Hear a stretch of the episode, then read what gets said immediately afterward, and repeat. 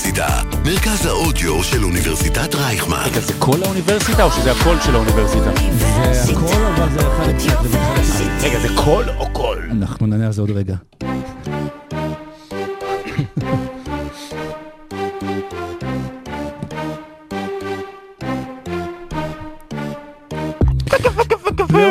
2022 ב-NBA יצא לדרך, וכבר כמות הסיפורים שמציפה אותנו רק מהסיבוב הראשון מדהימה. בברוקלין נגד אה, בוסטון, אנחנו נתקלים בסיפור של סימונס וה sweep המשוגע שבוסטון דופקת לברוקלין. אה, במילווקי, מידלטון פתאום נפצע ואולי זה משנה את כל פני הסדרה. ג'ה מורנט וסדרת הנוער שלו נגד, אה, של מפיס נגד מינסוטה, כובשת את כל הקהל בארצות הברית, ועוד מלא מלא סיפורים שאני לא ארחיב כאן, כי בשביל זה יש לנו פרק שלם לדבר עליהם. פרק מספר 97 של עושים NBA, בעוד 3, 2, 1, אנחנו יוצאים לדרך. ויקי ויקי ויקי ויקי ויקי ווי! וואו וואו ווסט. וואו וואו ווסט. וואו וואו ווסט. סתירה.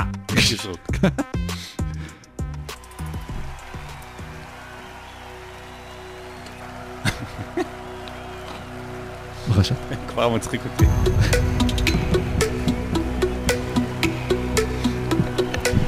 Ladies and gentlemen, welcome to OSIM NBA. Here are your starting five. פלייאוף ה-NBA של 2022, מה המגמות והאם יש גם מגמת ספורט? המופע הגדול של הבוקר, ג'ה מורנט, האם הוא ווסטברוק הבא, אייברסון הבא, דריק רוז הבא, או ג'וני נאור הבא? ברוקלין נגד בוסטון, האם זו הסדרה ממנה תצא האלופה? בן סימונס, לאן וכמה זה יעלה לנו, משלמי המיסים? וגם, האם מתה לה קבוצת או אידיאולוגיית הסופר טימס? מטה וורלד פיס. שלום לכם, אתם על עושים NBA ואנחנו על פרק 97, כבר נושקים ל-100 פרקים. ושלום שרון דוידוביץ', מה נשמע? אהלן, אהלן, איזה כיף להיות פה, במיוחד? כן, לא שמשה שלו פה. כן. אתה יודע, אני מרגיש משוחרר, לא- אין- לחץ, אין מי שירד עליך. גם אחרי כל תקופת החגים, היית איתו בטח הרבה זמן, ועכשיו זה... זה- משחרר, כן. זה ליברייטד. אז אה, במקום... וגם, אתה יודע, אם הוא היה פה, הוא היה עושה בדיחה על שחרור וכאילו שואה ואנחנו. לקראת יום השואה וזה לא פה, מתאים. אבל אה, מצאנו אוהד אה, ליברפול אחר ברחוב הספורטיבי, שעובר עליו שבוע משוגע, 2-0 אה, בדרבי של ליברפול, 4-0 במה שבאמת חשוב לנו פה בסדרה בין בוסטון לברוקלין, שלום גבריאל איידו. אהלן, מעניין. אני יכול אה. לרדת עליך במקום אחיך. בוודאי, כהוד השרוני להוד השרוני אתה יכול. אגב, יש פה אחוות הוד השרונים, ואפרופו הוד השרונים, אתה וכל תושבי העיר מוזמנים ביום שישי הקרוב להרצאה בארבע וחצי בפאב הברנש, זה בהוד השרון. כן, חוד השרון דוידוביץ'. אה, טוב, יש לנו הרבה לדבר, אני יודע שבאתם אה, טעונים מאוד גם לפרק הזה, אז אני לא אעכב את אגב, המאזינים. לא, אני רוצה, אבל איידו, מה נשמע? אחלה, אחלה. אני חייב לשאול שאלה, כש... חשבתי על זה כל השבוע, למרות שזה באמת הבדיחה ישנה. כשהצאת לאשתך נישואים, תרדום באתם אז- הצעות אז- נישואים אז- היא ענתה לך, I do, ואמרת לה, כן, זה יהיה שם משפחה שלך?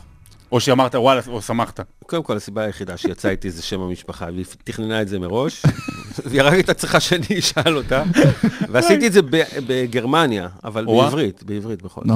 לא, זה מתחבר ליום השואה. בוא נצא לדרך.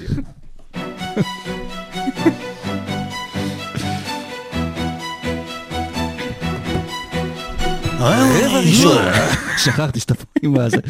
אנחנו יוצאים לדרך עם הרבע הראשון, ואף אחד לא נראה לי האמין שהסדרה הראשונה שנדבר עליה, בתור סדרה שכבר הסתיימה, זה הסדרה בין ברוקלין אה, לבוסטון. אגב, אולי אתה קצת האמנת, אבל אני בטוח שלא חשבת שזה ייגמר 4-0. יפה, אז שאלתי אתכם לפני כן, אם היו אומרים לכם לפני הסדרה, סוויפ לאחת הקבוצות, ושניכם אמרתם שהייתם מאמינים שבוס, אה, שברוקלין תובס 4-0 ולא בוסטון, כי בוסטון ידענו שהיא תבוא לסדרה והיא תיקח משחק שניים. ברוקלין זה היה סימן שאלה, כי ידענו מה קרה כל העונה, וכל מה שיכול להשתבש, השתבש. אבל בואו נשים את זה קצת בפרספקטיבה, 18 נקודות הפרש בסדרה, בסך הכל זה הפער השלישי הכי נמוך אי פעם, הכי הרבה גולדן סטייט מנצחת את וושינגטון בגמר 1975 עם 16 נקודות פער זאת במצטבר. אומרת, סוויפ, אבל הכי נמוך. הכי זה נמוך. סוויפ של 4-0, וסוויפ, ש- אותו דבר, 16 נקודות, לברון ג'יימס עם קליבלנד מול אינדיאנה ב-2017. וואו. אז 18 הפרש, שוב, יש את הלייפ בשנייה האחרונה של טייטום, משחק ראשון, קאמבק מ-17 במשחק השני.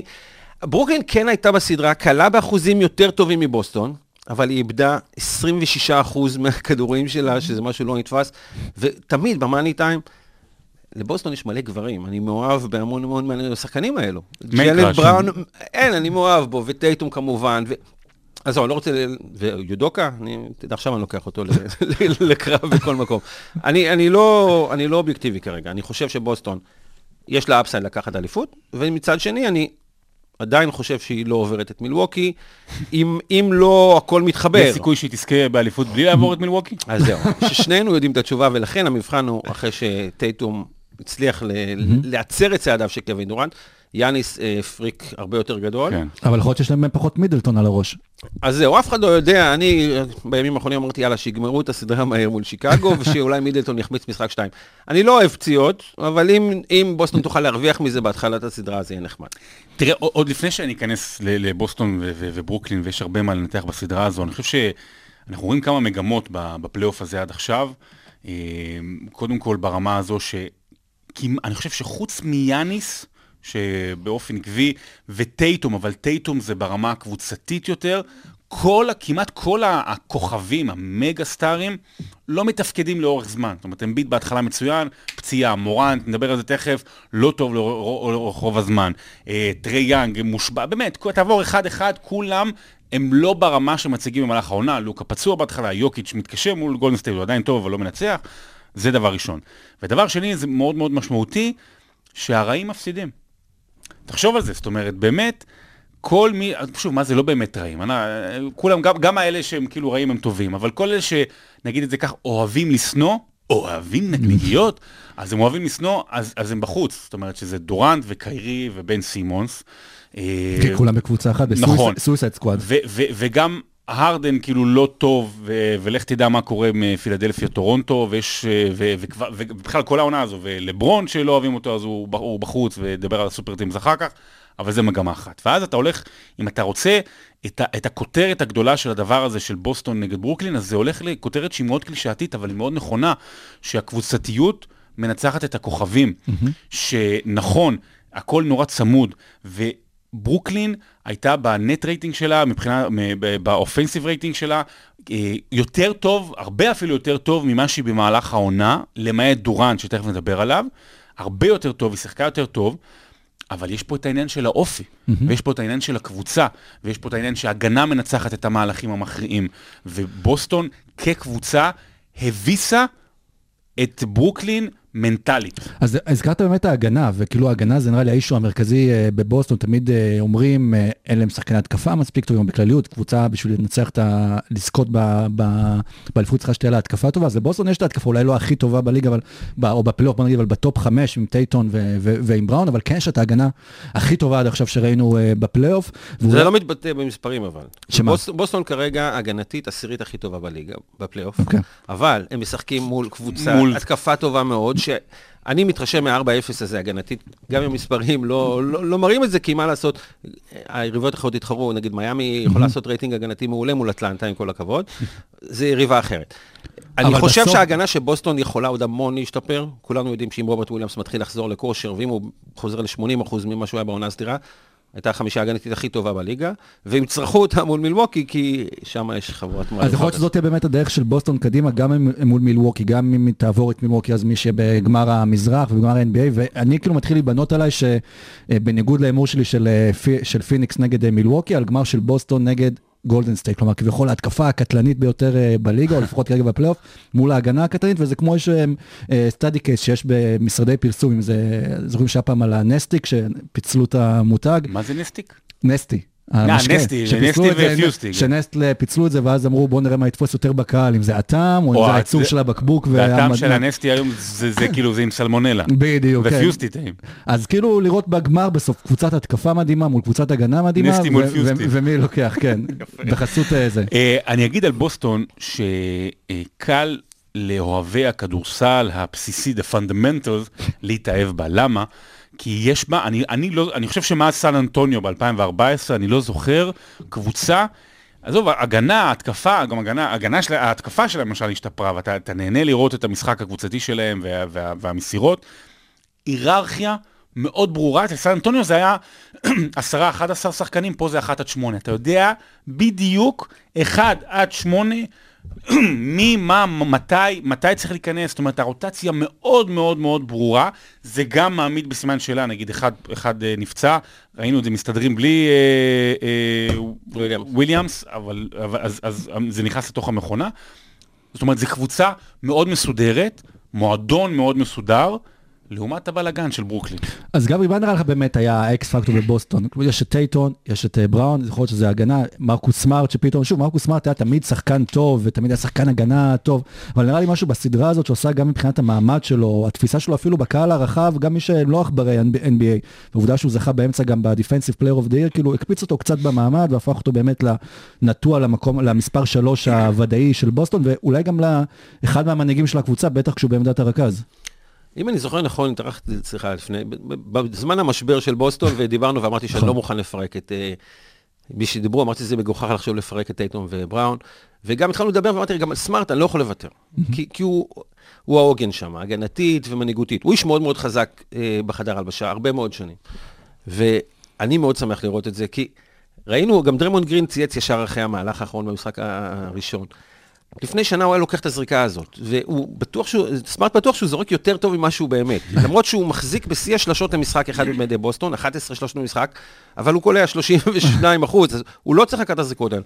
בשנייה הזאת, למצוא את טייטום, זה מהלך כל כך בוגר, והוא, והורפורד.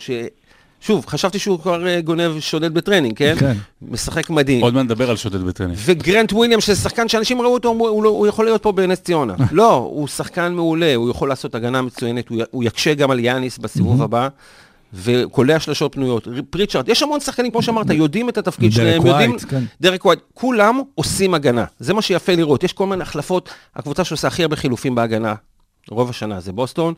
כי הם יודעים שדרק ווייט, גם אם הוא לא קולע, הוא יכול לשמור, הוא יכול למסור אסיסטים. אני מסכים איתך לגבי ההשוואה לסן אנטוניו, ההיא הייתה קבוצה עם יותר שנות ניסיון לא, ביחד. גם הרבה יותר ותק, אבל גם, כן. גם היה שם מבוגרים, זאת אומרת, היה שם מנהיג, גם פה יש מנהיגים ברורים, אבל גם... שם הם הגיעו כבר עם אליפות, הם- היה להם את הביטחון של אלופה. זה אין את לבוסטון, אבל אני יכול לראות את הקבוצה הזאת גם נהיית עוד יותר טובה, אינשאללה, בשנה הבאה, כן? כן. כאילו, לא, אז זהו, לא, לא. היא יכולה להיות יותר בוסטון. כל אה, שנים קדימה. ועם קבוצה צעירה בסך הכל מבחינת הגילאים של השחקנים שם, יש להם עוד אה, כמה שנים אה, ללכת, ושוב, האם בוסטון מצליחה ללכת כל הדרך השנה, זו קבוצה שאין לה כבר ניסיון אליפות, כמו שאתה אומר, לסן אנטוניו, שיכולה ליצור איזשהו סוג של לגאסי שלא היה בבוסטון כמה זמן? בבוסטון לגאסי. לא, לגאסי מאז שנות ה-60. שמ... לא, 80. על מה אתם מדברים? על השושלת לבוסטון הפעם האחרונה היה בשנות ה-68-9. כן, לא, שניים שושלת, ברצף, כן, רק מילה אחרונה לגבי ברוקלין בוסטון. אז יש משהו מאוד סימבולי בזה, שברוקלין בנתה את בוסטון הנוכחית. כי בטרייד שהעברנו אליהם את פול פירס וקווין גארנט, ג'ייסון טרי, קיבלנו את הבחירות שהביאו לנו גם את ג'לן בראון וגם את ג'ייסון טייטום וגם עוד כל מיני אה, דברים שפינינו לנו בתקרת שכר ואפשרו לנו לבנות קבוצה עם קיירי, שזימבר אותנו והביא קרמה נוראית ופגע בהתקדמות של ג'לן בראון, ויש סיכוי סביר שאם קיירי לא עוזב את בוסטון, והוא הבטיח שהוא יישאר. ג'לן בראון לא נשאר, כי הוא בן אדם מאוד מאוד אה, חזק ויודע מה הוא רוצה, והוא לא היה נשאר שם. אז יצא לנו טוב, לפעמים גם קבוצה כמו בוסטון צריכה מזל. יש לנו פה את קיירי ארווינג, נוטש אותנו, ותוך שלוש שנים יש לנו בסיס הרבה יותר טוב, ואיפה קיירי ארווינג היום? אתה רוצה לחתום אותו לארבע שנים, אה, 200 מיליון דולר? וקיירי ארווינג בינתיים, אגב, מבטיח לברוקלין שהוא כאן כדי להישאר, ואנחנו שומעים אותו. הוא- יש לו חוזה לשנה. הוא- לא, לא, הוא אמור להחליט האם לפתוח את החוזה מחדש וללכת למקסימום, ואז השאלה האם ברוקלין תחתים אותו למקסימום. אתה ברוקלין, אני שואל אותך שאלה, לוצקי, אתה ברוקלין, אתה מחתים עכשיו את אה, את, אה, קיירי לחוזה מקסימום? אני, אם אני ברוקלין, קודם כל, אני, ואני מסתכל גם על, ה, על החוזים הראשי של השחקנים, יש לי הרבה עבודה לעשות גם חוץ מלבד קיירי, יש איזה עשרה שחקנים שעכשיו מסיימים אה, את החוזה שלהם בסוף העונה, ויכול להיות שגם בן סימונס יהיה השחקן הראשון בהיסטוריה שמפרק קבוצה בלי לשחק בה בכלל, כי אף אחד לא ירצה להמשיך שם. וקיירי במסיבת עיתונאים אה, האחרונה אומר, אני כאן כדי להישאר, יותר מזה אומר, אני חלק מההנהלה, אנחנו co-management, ו... זה הבעיה. אם אתה. בעלים שם, ואתה שומע אותו כן. אומר, אני יחד עם קווין דורנט, והמנהל, שון מרקס, והבעלים, נבנה את הקבוצה. מעניין אם הם מה היו? גם אני- בפגישה עם בן סימונס שהייתה עכשיו עם ריץ' פול, כדי לשאול אותו, אחי, לאן אתה הולך? קיירי, בוא נדבר על זה נכוחה, בלי בדיחות. הוא שחקן כדורסל מדהים, מדהים ברמה היסטורית. הוא נגע רע בתוך קבוצת כדורסל. הוא יכול להיות שהוא שווה, סתם אני אומר, שלושת רבעי מקסימום, אוקיי? שלושת רבעי שוחזר מקסימום, כי אתה אז אתה לוקח את הסיכונים, ואז אתה מביא אולי איזה עוד גארד וטרן, או אתה, אתה, אתה משלים את, את, את מה שהוא עושה, אני כבר לא מדבר על מה שהוא עשה העונה וההחלטות האישיות שלו, זה בסדר, זה לגיטימי, ואתה יודע, הרבה רצו, רצו הטענות, מה היה קורה אם לא היה, אם זה היה מתבטל יותר מוקדם, ואז ברוקלין הייתה במקום יותר גבוה, אתה, אתה, אתה, what if זה השאלה הכי, הכי מגניבה שיש. לא, אתמול אה, במסיבת עיתונים שהקשבתי לכל ה-12 דקות שלו, והוא איש מאוד חכם, וגם טיפש מאוד במקביל. הוא הצליח להודות שהוא אה, אכזב את הקבוצה בזמן שהוא לא שיחק, והוא אומר, בשיא ה... ככה, אולי טעיתי. עשינו, עשינו את כל מה שיכולנו כדי שאני אוכל לשחק. לא, לא עשית כל מה שיכולת, לא באמת היה חשוב לך, שיחקת 29 משחקים העונה, לא נתת סיכוי. 29 זה מדהים. 29, לא, שנה שעברה גם בקושי שיחק, ולא נתת באמת לשילוש הזה עם ג'יימס הארדן לעבוד, הארדן הלך, קיבלתם נגע רע, יותר גרוע בעיניי מקיירי ארווינג כיום בן סימונס, כי אתה תיכנס בו אחר כך, אבל אני לא הייתי רוצה לא אותו ולא את קיירי בקבוצה שלי. תראה, לא ברוקלין, אתה, אתה, זה יפה שדיברת על פול פירס וקווין גארנט וכל העניין שם.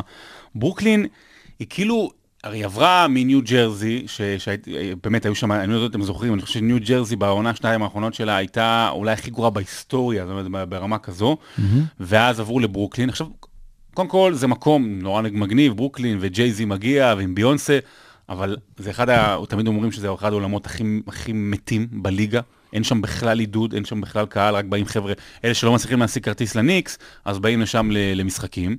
אה, קבוצה שנבנית, כאילו זה super teams, אבל טלאי על טלאי על טלאי, ולא עם איזה משהו מחושב, והיה להם את הארדן, וזה לא הצליח, וקיירי עושה בעיות, ודורנט לפעמים פצוע, ולפעמים לא, ואף אחד לא עוזר לו. אני חושב שהעניין המרכזי פה זה קווין דורנט. כי קווין דורנט בשנתיים, נקווה שלוש השנות, השנים האחרונות שלו, כשחקן וואו, כשחקן היסטורי. הוא הרבה פציעות, הוא אחד, אני חושב שהוא, אני לא חושב, לא חושב שאי פעם מישהו בהיסטוריה חזר מפציעה כמו שלו, של אכילס, אכילס, בצורה כל כך, זאת אומרת, הוא, הוא, הוא אותו דבר, אפילו, לפעמים הוא אפילו יותר טוב מבחינה התקפית. אז קודם כל זה מדהים. זה חימור. כן, סליחה. ו, ו, והעונה שלו הייתה מדהימה, ואז בפלייאוף הוא נורא נורא, הוא חלש היה. אז קודם כל קרדיט להגנה של בוסטון, אבל דורנט היה חלש. אם דורנט היה 60-65% מהיכולת שלו, הם היו מנצחים. ו- ו- וזו הייתה הסדרה הכי גרועה בקריירה של קווין דורנט. וקווין דורנט, יחד עם קיירי או אחרים, לקחו את הקבוצה הזו תחת בעלותם באיזשהו מובן. הרי סטיב נש, גם זה הייתה, קני אטקינסון היה, והיה היה לא רע בכלל, ו- ו- ולקחו את סטיב נש כי, כי, הוא, כי הם הסתדרו איתו והיה נחמד, אפרופו ה co-management של קיירי. לא. צריך לבוא, עם כל, כל, אהבתי לסטיב נש, לא, לא ראינו ממנו משהו, לא ראינו איזשהם מהלכים התקפיים, לא ראינו משהו לא סדר. ראינו התאמה לתת- אחת ממשחק למשחק. בדיוק, לתת איזשהו, לתת את הכדור לדורנט, וזה גם אני יכול, לא שאני מזלזל עד כדי כך בנש, אבל זה לא היה, לא- אתה יודע, זה איפשהו באמצע. אה, צריכים להביא מאמן שהוא מאמן מאלף ועד תף. אה, אפרופו סטיב נש, דרך אגב, זה, ה- הליגה יותר ויותר, גם אנחנו רואים את ההוכחות הללו שהולכת לכיוון של החנונים שגדלו מחדר הוידאו, ולא שחקני העל. זה מגמה של ה-10-15 שנים או האחרונות, וזה עוד שחקנים. בינוניים. אם יהודוקה שילם שבע שנות שכר לימוד, גם אצל פופוביץ', גם בברוקלין וגם פילדלפיה עד שהגיע לבוסטון. סטיב נש, אוקיי, שחקן גדול, ישר מתחיל לאמן. כאילו, אולי צריך להיות שנה עוזר של מייק דנטוני, לא משנה, ללמוד את העניינים. שיביאו את אלון חזן. עכשיו, אני רוצה להגיד משהו, באמת, לא מדברים על זה. שחקן אפרו-אמריקאי עם הרזומה הזה לא מקבל את אותה הזדמנות כמו סטיב נש ישר, אין מה לעשות. תראו כן כמה, עוזרי כמה מאמנים אפרו-אמריקאים נכנסו השנה לליגה, כמעט כולם עושים עבודה טובה. ווילי גרין בניו אורלינס, אה, ראינו בוושינגטון, יחסית, אנסלד אה, אתה ג'וניור, עשה עבודה בסדר, אתה אומר שחקן- יודוקה, שחקן היסטורי כמו נש, אבל אני בצבע לא שחור הוא לא מקבל. אני לא יודע, תראה לי מישהו שישר, סם קסל נכון. נתן קריירה יפה, 15 שנה עוזר מאמן, אף אחד לא ייתן לו הזדמנות. למה? אבל... אה, אה, עכשיו ב- מקמילן? בפור- לא. רגע, בפורטלנד, אה, נו, איזה ש...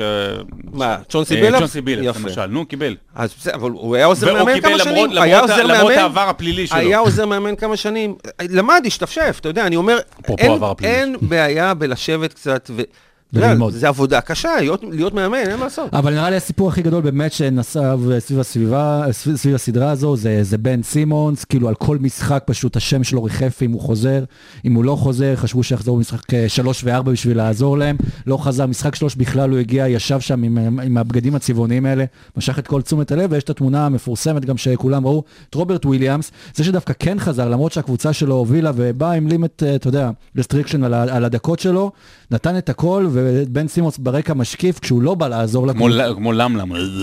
שהוא לא בא לעזור לקבוצה שלו, וכנראה זה השפיע גם כן על כל הסדרה, וברוקלין כרגע בבעיה עם בן סימונס.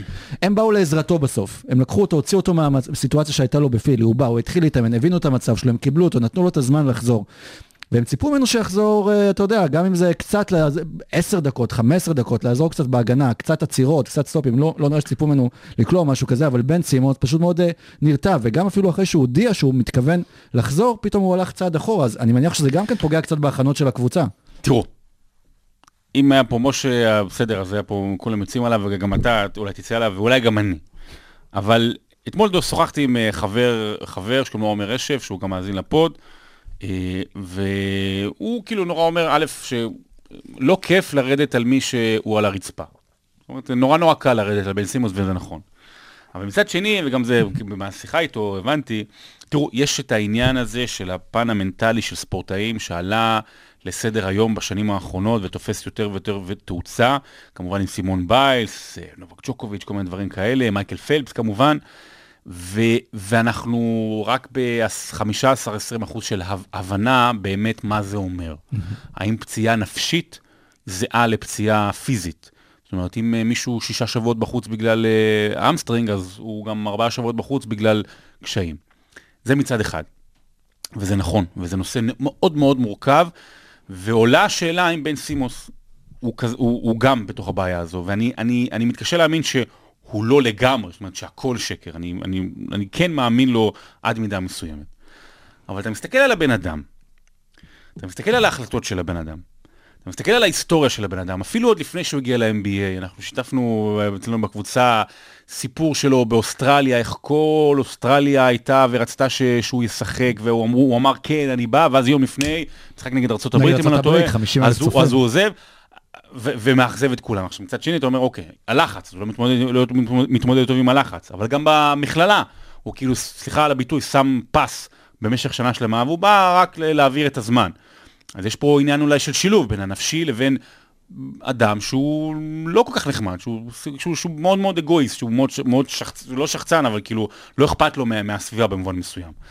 אבל אז אתה מסתכל על הפעולות שלו, ואתה אומר, אוקיי, באו לקראתך בפילדלפיה בהתחלה, אמרו בוא ננסה, בוא ננסה, אמרת לא, קיבלת את הקנס כי יש גבול כאילו שאתה לא תשחק, סבבה, שחררו אותך במחיר או לא מחיר, הם, לקחו שחקן מעולה אבל מזדקן וויתרו על אה, פרוספקט צעיר, מגיע לברוקלין, כמו שאמרת, עוזרים לו, נותנים לו, קח את הזמן, הכל בסדר, זה, רגע, אתה יכול לשחק, נכון? אתה בריא, הוא כבר, הוא בריא, ופתאום ביום של, יום לפני המשחק, הוא אומר, כואב לי הגב. ואז פית, ואני לא מדבר כבר על ה... אתה בן סימוס, אתה יודע שכולם נגדך, ואתה בא עם, סליחה על הזה, עם התלבושת הצבעונית הזו, מה, בכוונה? כאילו, בכוונה ללטוש עיניים? אבל אז... יש את כל הסירה, וכולם יורדים עליו, וצ'ארלס ברקלי ופרקינס וכל עולם ה-NBA יורד עליו, כנראה בצדק, ואז פתאום יש הדלפה של ידיעה שבעצם אה, הבעיה המנטלית שלו, היא גרמה לכך שפתאום כואב לו הגב. פתאום הודלף, וכמובן כמובן שהקבוצה לא תדליף את זה. אז מי הדליף את זה? הסבתא שלי? ואז אתה, אתה לוקח אחד ועוד אחד ואתה אומר, "ל- למה שאני אגן עליו? אתה יודע, אפילו יש לך תחושה יותר נבזית, שהוא בא והוא משתמש, הוא עושה ניצול ציני בבעיות נפשיות אמיתיות של ספורטאים. זאת אומרת, שנגיד יש לו 20-30 אחוז, הוא בא ומעצים את זה ל-250 אחוז. הוא משחק פה משחק מלוכלך, ובן סימונס הוא דוגמה לכל מה, ש... מה שרע היום, בהנחה שבאמת אין פה איזה משהו טרגי. ברמה הנפשית, ואני מתנצל אם כן, ונגלה את זה עוד שנתיים שהוא יהיה כפות בזה, אני לא יודע, אני, אני מקווה באמת שהכל בסדר.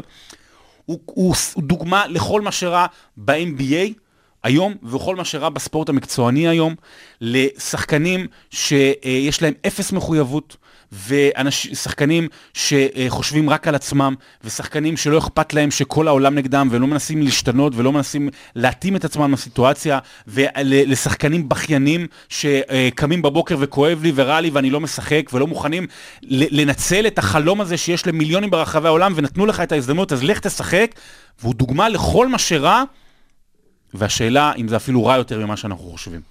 כן, קודם כל, רק העלית לי פה reference לפוטבול. בפוטבול החוזים לא מובטחים בניגוד ל-NBA, ואני כן אוהב את זה שהחוזים מובטחים.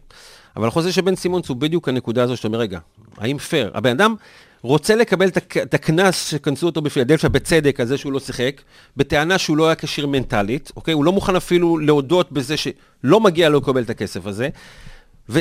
והאישיות שלו, תשמעו, מאז שאני עוקב אחריו, ואפילו בהתקלות מקרית אה, באולסטאר, הבן אדם הוא douche מארץ הדושים, הוא חריית, הוא שחצן, הוא בטוח בעצמו. עכשיו, יש גבול כזה, כדורסלן באמת טוב, צריך להיות, צריך להיות שחצן ולהאמין שהוא באמת הכי טוב. גם מייקל היה douche. נכון, נכון. כן. העניין הוא שאין לו את הקרדיט של מייקל, ועם כל הכבוד, האישיות שלו, האוסטרלים זה עם קשוח כזה, משחקים כדורגל אוסטרלי וזה, הוא שיחק את הדברים האלה. רגבי, כן. רגבי. הם לא סובלים כאלה כוסיות. והוא, סלח לי, עם כל הכבוד, זה הבן אדם. הבן אדם, כל הקריירה שלו, כל ההחלטות בשנים האחרונות שלו, אני, אני, אני. הבחורות שהוא יצא איתן, עם כל המשפחה שם, כן. זה, זה האיש, הוא לא ישתנה. אם הוא לא היה מקומבן עם לברון והסוכן שלו, וזה, לא היה לו את הכוח הזה, הוא היה עוד אחד. עכשיו, הוא מאוד מאוד מוכשר אתלטית, הוא נבחר ראשון, למרות שהוא באמת, כמו שאמרת, לא ממש השקיע במכללה, ולא... אני לא יודע כמה הוא באמת באמת אוהב כדורסל. כי לא, אני לא רואה... עכשיו, בסדר, הוא לא אוהב, רגע, הוא לא אוהב... אז למה שמגיע לקבל 110 מיליון לשלוש לא שנים? יש לך בעיה, אנא, לך טפל בה, הכל בסדר, לך טפל, שים, שים את עצמך שנה בצד, יכול להיות שבאמת צריך לטפל בזה ולחזור, אבל, אבל עזוב, אבל שחרר, לא יכול להיות, אתה, יש trade, אתה, לא, אתה, יכול להיות שהוא לא סיפר לברוקלין עד כמה הבעיה נפשית קשה, ואם הוא סיפר, אם יש בעיה נפשית, אז הם לקחו אותו, למרות כל הסיכון לוותר על הארדן ולהביא מישהו שאתה לא יודע בכלל אם הוא רוצה לעלות לשחק, אולי הוא לא היה כן ולא היה פתוח עם ברוקלין, יש פה איזשהו משחק כפול שהוא משחק, ואתה שונא אותו מפה ומפה, ואני מבין את מי שמגונן עליו, אבל מה שנקרא, לא הוא האיש. לא, לא הוא האיש שישנה את התפיסה העולמית בכל מה שקשור לפן המנטלי אצל, אצל ספורטאים. יפה, ולמה הזכרתי את הפוטבול? רק לסיים את זה? Mm-hmm. כי שחקני פוטבול, אם הם לא משחקים, הם לא מקבלים כסף. אתה מקבל פר משחק. ואז אם כואב לי הרגל ולא עולה, אז אתה מפסיד, זה 200 אלף דולר. אז וואלה, אנשים עולים פצועים ומשחקים ונלחמים במחזור האחרון בשביל הדקות, בשביל הכסף. עד שמתעסק להם הראש. יכול להיות, אבל כי אתה צריך לנסות את הקריירה שלך. הבן אדם הזה מבזבז כישרון יוצא דופן, איי-קיו כדורסל מצוין. אז זה בסדר, זה שלו. זה שלו. אבל זה גם לא פעם ראשונה. אבל זה חלום, הוא מבזבז חלום של אחרים. אם אתם זוכרים שבן סימוס גם מגיע לליגה, אגב, על האדיטוד שלו, אז גם זוכר גם שאת אחותו נכנס לכל העניינים שם, שנה ראשונה בליגה הוא לא שיחק. מי זה אחותו? טרה? כן. כשבסוף העונה הראשונה גם דיברו על זה שהוא יכול לחזור לשחק, אבל הוא לא חוזר כי הוא רוצה להיות אליג'יבל לרוקי העונה, אז הוא לא ישחק שום דקה, ואחר כך יעלה בעונה הבאה. זה כאילו זה משהו שמלווה אותו, הרצון לוותר על המשחקים בשביל עצמו. השאלה גם מה יקרה בהמשך. מה, מה ימנע מסימונס לא לפתוח את העונה הבאה בגלל המצב הנפשי? יאללה, over under, כמה משחקים משחק שנה הבאה בן סימונס? איפה? לא משנה, בליגה, בכלל. איפה הוא משחק, כמה משחקים הוא משחק בליגה בשנה הבאה? אני אומר, over under, 30. כן. אני הולך על ה under. אני הולך על ה-50. אני הולך על 30 בול. אוקיי. אז אני... אנחנו נגלה את זה.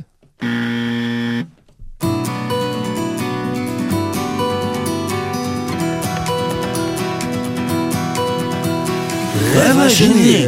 רבע ארוך היה. גברי, כל פעם שאנחנו פעם שוברים שיאי רבעים, הפעם שברנו אפילו בדקה וחצי את השיאי אבל היה על מה לדבר. זה במקום הדקות של סימונס על המגרש, העברנו אותם לדקות של הרבע הזה. אז בואו נדבר עכשיו קצת בקטנה על סדרה שאולי אין הרבה מה לדבר עליה, אבל כן אמורה להצטלב אחר כך עם בוסטון, שזה מילווקי נגד שיקגו. מילווקי הולכת בדרך הבטוחה כנראה לנצח את הסדרה הזו, למרות הפציעה של מידלטון, גם שיקגו מאבדת כרגע את זק לוין למשחק מספר כבר... לאיזה מחל, קוביד, מה זה?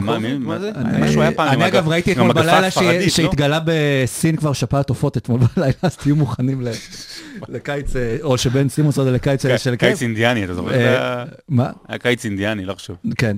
אז מילווקי נגד שיקגו, כרגע המצב בסדרה הוא 3-1, כנראה מילווקי הולכת לבוא, אז בואו נדבר אולי קצת פחות על הסדרה, אלא יותר על ההמשך. איך מילווקי מתמודדת עם בוסטון, כמו שאנחנו ראינו אותה עכשיו. אם מידלטון נגיד לא חוזר.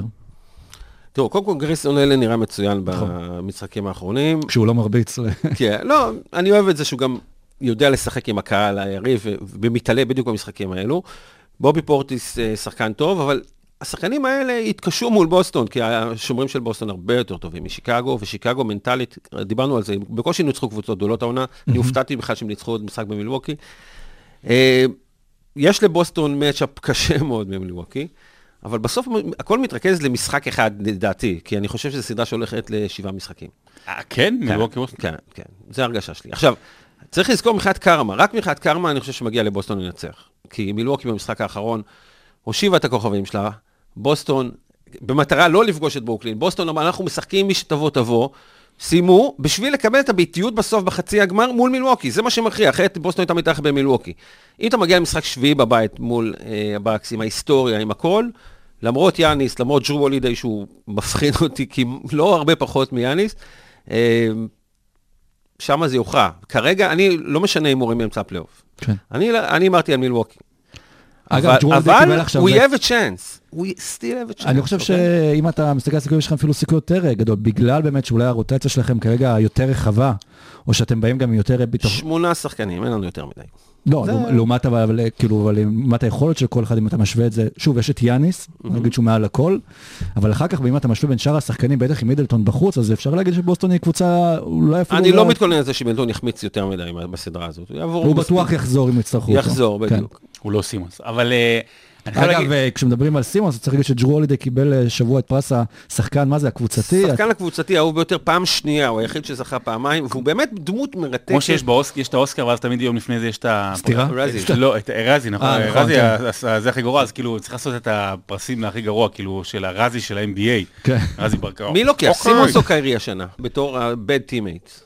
לא, סימונס, לא, סימונס, כי... זה צמוד יותר מה-MVP. סימונס, כי קיירי, כי קיירי אתה, אתה, אתה הולך על אה, חופש הביטוי ואתה אומר, טוב, זה זכותו, זאת אומרת, ל- ל- כל העניין של כן, החיסון. קיירי לפחות שיחק, כאילו הוא ניסה. אני הולך פה עם סימונס כי כי הוא head case. וקיירי, שם זין. יאללה. לא לא מגיע לא, לא, לדבר עליהם. לא צריך לדבר עליהם. אין. הרבה כרגע מה לדבר על מילווקי, אני חושב שיש לה אטיטוד של אלופה, מרגישים את זה, הרגישו את זה גם במהלך העונה הסדירה. אה, אם מידלטון החמיץ המון, זה בעייתי, אבל אני לא רואה את זה קורה, ג'רו לידי, באמת, אתה- אתה רואה את ההבדלים בין גארדים אחרים שמתקשים מאוד הגנתית וכמה שהוא אה, שהוא עוזר. אבל כאן אנחנו רואים את יאניס, כשעכשיו אנחנו מדברים על דורנט ואיך שהוא נראה בסדרה של ברוקלין נגד בוסטון ואת המספרים שלו שירדו, אז יאניס שומר, אתה יודע, על יציבות, לא משנה מה. כן. הוא כבר, וגם דורנט אלוף, אתה לא יכול להגיד כאילו שאין לו את את את הניסיון אה, לא, ל-KD. אבל- אבל היה שיקגו שומר היא על לא- יציבות ומחזיק את הקבוצה, ועם פחות עזרה אפילו קצת אה, ממה שיש ל-KD. אני, הימרתי, חשבתי שהם ניצחו במשחק אחד, אבל כאילו שמילווקי, ומבחינת אני חושב שמבחינת הפרשים זה, זה ככה בערך, אבל שמילווקי שיקגו זה הסדרה הכי קלה. כן. הכי, הכי חד צדדית. אז בואו נדבר אולי על סדרה גם קלה אחרת שגם כן הסתיימה הלילה, שזו אה, מיאמי שמנצחת אה, אה, את אטלנטה 4-1, ונראה לי הסיפור הכי גדול של הסדרה הזו זה דווקא בקבוצה המפסידה, וזה טריי יאנג, שפשוט מאוד עם תצוגת קליעה ש- שלא מתאימה לו, כאילו אנחנו דיברנו על זה גם בפרק הקודם, שבסוף טריי יאנג היה אחד השחקנים הטובים מאוד מבחינת נקודות ואסיסטים, כמעט, כמעט עשרה אסיסטים למשחק, 27 נקודות, אבל איכשהו בסדרה הזו זה לא עובד, וכשטריי יאנג לא עובד באטלנטה, אז אטלנטה לא עובדת. תשמע, אני, כש, כשהתחילו את ה play-in, היה לי פה rant על זה, ממש בהתחלה שלנו, שאני נגד ה play-in. זאת אומרת ש- שא', אתם, אתם מזיזים לי את הגבינה, וב', כאילו שזה, ש- ש- שיכולים להיווצר בזה גם דברים לא טובים. ואז ראינו שנתיים מה, מה, מה קורה עם זה, ווואלה, אני אמרתי, הרמתי ידיים, אמרתי, אני טעיתי. זה אחלה, אחלה גם לסוף העונה. פחות קבוצות עושות tanking, אה, דרמה וזה, עניינים, דרמה. סיכוי, באמת אחלה, אחלה, אחלה דבר. ואז מגיע אטלנטה, ואז אתה אומר, רגע, רגע, רגע, זו לא קבוצת פלייאוף. היא סיימה מקום תשיעי במזרח, יש סיבה שהיא סיימה מקום תשיעי במזרח, היא לא אמורה להיות, ב, לא להיות בפלייאוף, גם במקרה, כאילו הגיעה קצת סיומת טובה, פתחה את העונה נוראה. זו לא קבוצת פלייאוף, זו קבוצה שהיא בנויה לא טוב, זו קבוצה הגנתית מחפירה, אני חושב מקום ש- 26 ב- בעונה וזה הסדירה. אחרי שאטלנטה שנה שעבר הגיעה עד לגמר המזרח. נכון, לא, עם קשיים של סימונס וזה, כן. אבל, אבל אה, באמת, קבוצה, לא יודע, בנויה, בנויה לא טוב, לא אמורה להיות, וטרי יאנג, אני שמח מאוד שקיבל את הסטירה הזו. זאת אומרת, בשבילו. קודם כל, הגנתית הוא מזעזע. ומה, אה, מה, איך הסטטיסטיקה שיש לו יותר אה, איבודים? את זה אה, אבל. אה, טרי יאנג קיבל סטירה מצלצלת. טרי יאנג, אני לא מתחבר אליו. יש, יש, יש אה, לתת show ולהיות אה, עם swag אה, מורנט, ויש יש טרי יאנג, שזה כאילו איזה- איזשהו, כמה ש... אני, אני לא מתחבר לזה, זאת אומרת, זה אבל קצת שונה. צריך שחקנים כאלה בליגה, אנחנו לא, רואים אה, מה קורה. בניו יורק, אני בטוח שבניו יורק את הסטירה המצלצלת שטרי יאנג אה, קיבל, כמו שאתה אומר, אני בטוח שכל אחד מהאוהדים של הניקס היה שמח לתת אותה, וגם עם הצד המעליב, וגם אה, מאחור היה גב, וגם לכפכף אותו. אבל בסוף צריך את השחקנים האלה בליגה, הם אלה שמגיעים למגרשים ומטריפים את כולם שם מסביב. לא, בסדר גמור, אני גם צריך את האנשים, גם צריך, דרך אגב, זה שאנחנו לא אוהבים ספורטאים מסוימים, טרי יאנג, סימוס וכאלה, זה בסדר, זה כן. כל העניין, זה כל היופי שיש מי לאהוב ומי לא, אבל סתירה מצלצלת, אני חושב שהקבוצה הזאת צריכה קצת איזשהו שדרוג. כן, אטלנטה לא, לא הייתה טועה העונה, ואני רוצה להתמקד דווקא בצד של, של ההגנה של מיאמי. קודם כל זה היה המצ'אפ הכי קשה שהיה יכול להיות לאטלנטה. אה, אריק ספולסטרה מאמן top שלוש בליגה כבר עשר הכי שנים. טוב. יכול להיות, אבל אמרתי, בעשר משנים- שנים האחרונות. עשר שנים האחרונות הוא top שלוש, עשה בית ספר לברד סטיבנס בבועה שם, ראיתי שהוא outcoaches כל משחק, כל משחק מחדש. הוא- הוא גם- באמת, הוא באמת מפחיד אותי גם בהמשך, אם- אם בוסטון תעבור את מילווקי. אה, מיאמי קבוצה מאומנת טוב. זה גם ו- בהמשך למה ששרון אמר, על מאמנים שיוצאים מתוך החדרי וידאו אה, ומתפתחים בתוך המערכת, עד שאתה אבל הוא, הוא, הוא ו- טיפוס של זה, כן, כן? בדיוק. אז, אה, תשמע, באטלר גבר, אוקיי? הם הצליחו להסתדר בלי מדהים, לאורי. הוא עונה שהוא היה פצוע לא מעט, והוא מתעלה על עצמו בפלייאוף, וג'ימי באטלר באמת, זה שחקן לאהוב. אבל גם, אתה יודע, הגנה של גייב וינסנט, מקס סטרוס, אחלה שחקן. יש להם אה, חמישייה שיש להם את ה net מה- רייטינג הורידו- הכי טוב בליגה, נכון לעכשיו, וזה לא כולל טיילר הירו, שהיה לו משחק בסדרה שהוא קלע 24 נקודות, ובדקות שהוא היה במשחק הם היו במינוס 21, כל שאר החמישייה בפלוס, אז זה בעיה שלהם, כי הגנתית הוא, גם, הוא לא הרבה יותר אגב, את את מקס. סטרוס הורידו מהמדפים, כי סלמונלה בסטרוס. יש לי פחד שאכלתי כמה, כל- כאילו כל כל פעם שמודיעים על על איזשהו... לא, כי שוקולד בלי סלמונלה זה כן בריא, אתה מבין? כן, כן. אני מספיק זקן לזכור את חומוס עם קוליפורמי. אה, כן, סלמונלה. אז כן, אז ההגנה מיאמי, של מיאמי, אתה יודע, אם אתה- אם אני אם אני צריך לבחור, אפרופו מיאמי, אם אני צריך לבחור אה, קבוצה אחת במזרח, קבוצה אחת במערב, שנכון לעכשיו, אה, מה אנחנו אה, עוד מעט שבוע וחצי, עשרה ימים, כאילו בתוך הפלייאוף, כאילו שאתה אומר, וואו, זה, זה, כאילו זה פיקס, אז יותר מבוסטון אני הולך על מיאמי, זאת אומרת מבחינת זה, כי בוסטון נורא אבל התקשתה. אתה משקלל. את הפערים ביכולות בין הקבוצות. ל- אתה אמרת שאטלנטה היא לא קבוצת פלייאוף, אז אני נכון, לא מתרגש נכון, מארבע אני- אחת עליהם אותו דבר. אז בלי השקלול של כן. היריבה, וגם עוד פעם, אתה לוקח בוסטון, היא נלחמה, וזה, כן. גם אתה לוקח גם מה- עשית לפני. מיאמי נראית, קודם כל, הרבה יותר טוב ממה שנראתה בסיום העונה, וזה חשוב. אה, ואני אמרתי להם שהם הגיעו אה, לגמר מזרח. אוקיי, אז אה, בדרך מיאמי תצטרך אה, לעבור את המנצחת בסדרה האחרונה של המזרח, שזו הסדרה בין פילי לפילדלפיה לטורונטו, סדרה שהתחילה ב-3-0 אה, יחסית אה, קליל, בוא נגיד, לפילדלפיה, אבל מה שהיה שונה אולי במשחקים האלה, ואחר כך השתנה זה סקוטי בארנס, רוקי העונה שלא שיחק, ושוב, גם כן בהקבלה לבן סימונס, בפיגור 3-0 כן חזר, ומאז אה, טורונטו עם שתי ניצחונות, ועכשיו הסדרה גם חוזרת לטורונטו למשחק 60, אופציה לעשות 3-3, ואולי אופציה גם להיות הקבוצה הראשונה בהיסטוריה שחוזרת מפיגור 0-3, ואיכשהו הייתה תחושה, גם כשפילדלפיה הובילה 3-0, בכל השיח, כולם אמרו, חבר'ה, יש שם את דוק ריברס, יכולה להיות, הוא יכול להיות בצד הרע של, ה, של ההיסטוריה. הוא כבר ו- בצד הרע של וני- ההיסטוריה. וניק נרס גם אמר משהו אה, נחמד, כי כשהם פיגור 3-0, הוא אמר, בסדר, ננצח אחד, ומ-1-3 כבר חזרו, אז הנה, הם ניצחו, נכון. עשו 1-3, 2-3, והמומנטום עם טורונטו בבית, ואם יש 3-3, אז אני לא רוצה להיות פילדלפיה שחוזרת עם כל הלחץ הזה הביתה. יפה, אז אני אמרתי שיש 50% לטורונטו להפוך לקבוצה הראשונה אי פעם שחוזרת מ-0-3. זאת אומרת, אני מאמין שיש לה 50% לנצח שני המשחקים, לעומת שפילדלפיה לנצח אחד משניים, עד כדי כך. כי יש בצד השני את המאמן ה-overrated בכל. הזמנים, שנבחר לטופ 15 בהיסטוריה נכון, של ה-NBA שזה יותר השנה. גרוע מלילארד ל-75 שחקנים. הוא לא יכול להיות top 15 בליגה היום. אז דוק ריברס, תודה לך על האליפות ב-2008. בוסטון הייתה צריכה לזכות בשתי אליפויות. בוא נדבר על האליפות בשתי הזו. אליפויות לפחות, נו. בוא נדבר על האליפות הזו, זה. בשנים שנים מאוד מאוד רעות לליגה, לייקרס רק התחברו, נכון. לפני זה, יודע, רק אה, חצי עונה התחברו עם ה trade אה, של גסול, המזרח כבר מת שמה, דטרויט בסוף התקופה שלה, מגיעים שלושת הגדולים, לוקחים אליפות וזהו, על זה ועל דונלד סטרלינג הבן אדם בנה קריירה. אם לא דונלד סטרלינג הוא כבר מזמן בבית. בוא- בוא בוא נלך קצת לדוק ריברס, זה הרגע הטוב ב- ביום. כן. עונה לפני האליפות, בוסטון סיימה עם 19 ניצחונות, המאזן הגרוע בהיסטוריה של המועדון, השני הכי גרוע, אוקיי? אה, נתנו לו הארכת חוזה. היה לו מזל שדני איינג' הביא לו אותה, את אלן ואת גרנט. אני הייתי לוקח אליפות כמעט באותה עונה, אוקיי? אגב, שוב, בגלל המצב בליגה. עונת ה-MVP היחידה של קובי בריינט 2008, ו-39 הפרש משחק תראה 6, לך איזה כן? עונה גרועה זו הייתה. בסדר, אבל לא, כי בוסטון, הגיע לו גם MVP קודם. בוסטון ניצחה ב-39 הפרש משחק מכריע, חזרה מ-24 הפרש במשחק 4 בלוס אנג'לס. לא בזכותו. לא בזכותו, בגלל שהיה לנו חבורת גברים, אדי האוס וג'יימס פוזי ופירס אלן וגרנט וכל... אה, ג'יימס פוזי ורונדו. ורונדו הצעיר, כן. אז הביא אליפות, אבל הוא פשוט... אה, בוא נזכיר את ההיסטוריה. יש מאמן אחד שהפסיד שלוש סדרות של שלוש אחת, ביתרון שלוש אחת. היחיד. יש עוד כמה שזה... אחד, סדרה אחת. הוא יכול להיות מאוד ריאליסטי, כי משחק שש הם יפסידו, זה מה שאני מאמין. מגיע למשחק שביעי, הקהל בפילדלפיה הוא פסיכי, הוא יטריף את הקבוצה. יש לנו ג'יימס ארדן עם היסטוריית פלייאוף מבישה. ו- ו- ו- וגם הווה פלייאוף מביש. נכון. אמביט פצוע. יש לנו את אמביט פצוע, שזה גם פקטור, ויש לנו את אה, דוק ריברס, שבדקות האחרונות יש לו פוזה כזאת שהוא נשאר כזה על זה בצד ועם פרצוף של... מה אני עושה פה? מה אני עושה פה? אין לו מושג. לא, הוא פשוט. הוא חונק את עצמו ברבע האחרון. אני זוכר, יש לי תמונות שלו בסדרה מול אה, יוסטון, הפסידו עם 3-1, משחק 6 הם נחנקו. אחת החלקות הגדולות בהיסטוריה. הוא פשוט לא מאמן טוב. מה שהוא כן טוב, גנ... אחד מגנבי הדעת הגדולים בהיסטוריה של הספורט העולמי, הוא הרס- כולל כולם, כולל בארץ, כל הכי גדולים. אה, אין עיתונאי שלא, שהוא לא... ירבר. אין, הבן אדם יודע את העבודה, כן. אשרם עצום, אשרם עצום, אבל מאמן חסר תקנה. אז אה, מה אתה אומר הסיכוי ש- של אה, של דוק ריברס להפסיד את היתרון 3-0?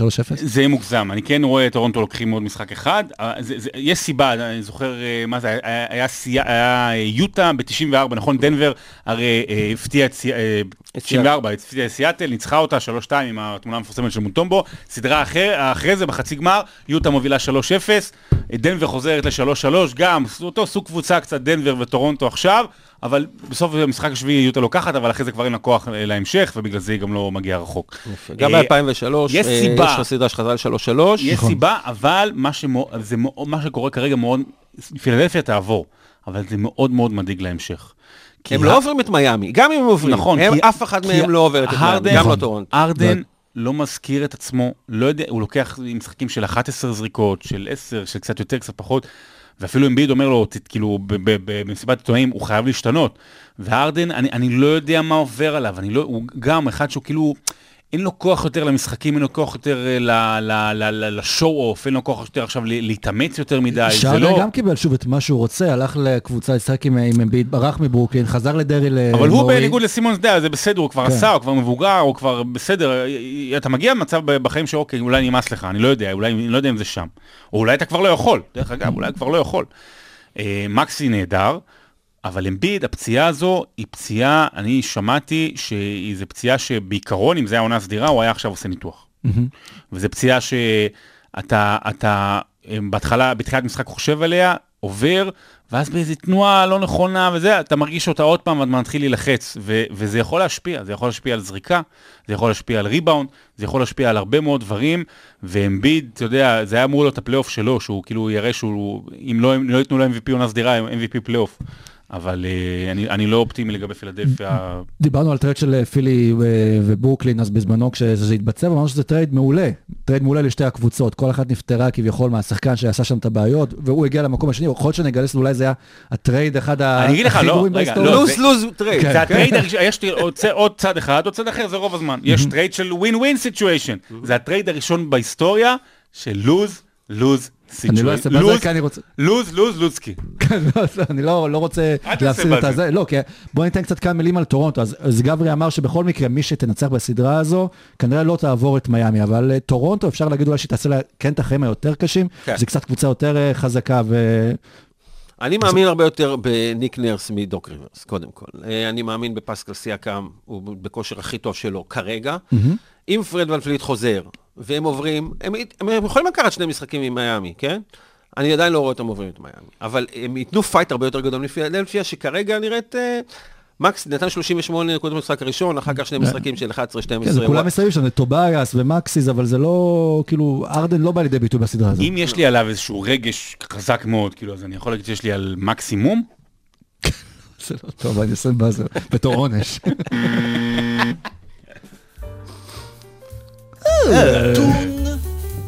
ורבע.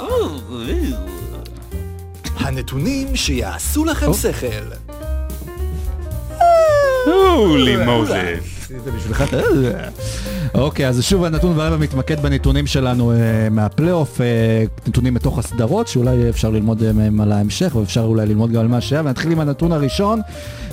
קבלו נתון, אז לטרי יאנג היו בסדרה נגד מיאמי יותר איבודים מסלי שדה, היו לו 30 איבודים, וסך הכל 22 סלי שדה. אה, קבלו נתון, טרי יאנג קלע במשחק החמישי במיאמי רק 11 נקודות. לעומתו, ז'ה מורנט קלע במשחק החמישי של ממפיס נגד מינסוטה 13 מהנקודות שלו בארבע הדקות האחרונות של המשחק. דרך אגב, קלע 11 בשתי דקות אפילו. קבלו נתון, ברנדון קלארק עלה מהספסל של ממפיס במשחק 5, מעבר לזה שהוא שיחק יותר דקות מכולם, 37 דקות, קלע 21 נקודות, והיה לשחקן הגריזליס הראשון בהיסטוריה עם לפחות שני משחקים של 20 נקודות מהספסל. אה, הציל אותם עם השש עבירות גם של אה, ג'ארן ג'קסון שם. אה, קבלו עוד נתון, או ג'י אנונובי קולע בסדרה בין פילי לטורונטו יותר נקודות מג'יימס הארדן. עד עכשיו יש לו כבר 99 נקודות לעומת רק 92 נקודות של הברדמן.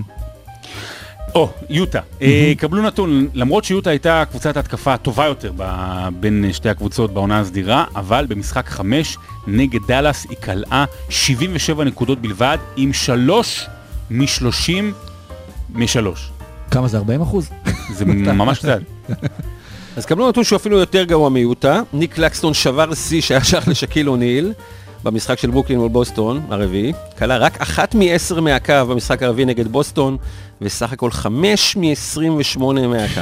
אז כדאי שקלקסטון גם אה, יקשיב לנתון הבא וידע, כמו שגם גברי הזכיר אה, קודם לכן, שבסוויפ שספגה ברוקלין, סך הפרש הנקודות בארבעת המשחקים היה 18 נקודות בלבד. אז אה, אולי קצת עונשין, ואולי קצת אחוזים יותר טובים מהשדה גם של דורנט, והכל היה נראה אחרת. אתה מקריא את זה עם המוזיקה ובא לי לשים לך כמה דולרים. כן. ב- בצנצנת.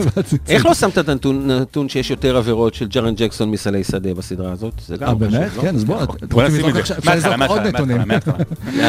אז עד כאן לא, כי אז. זה נתון וחצי. אז בואו נעבור לחצי השני.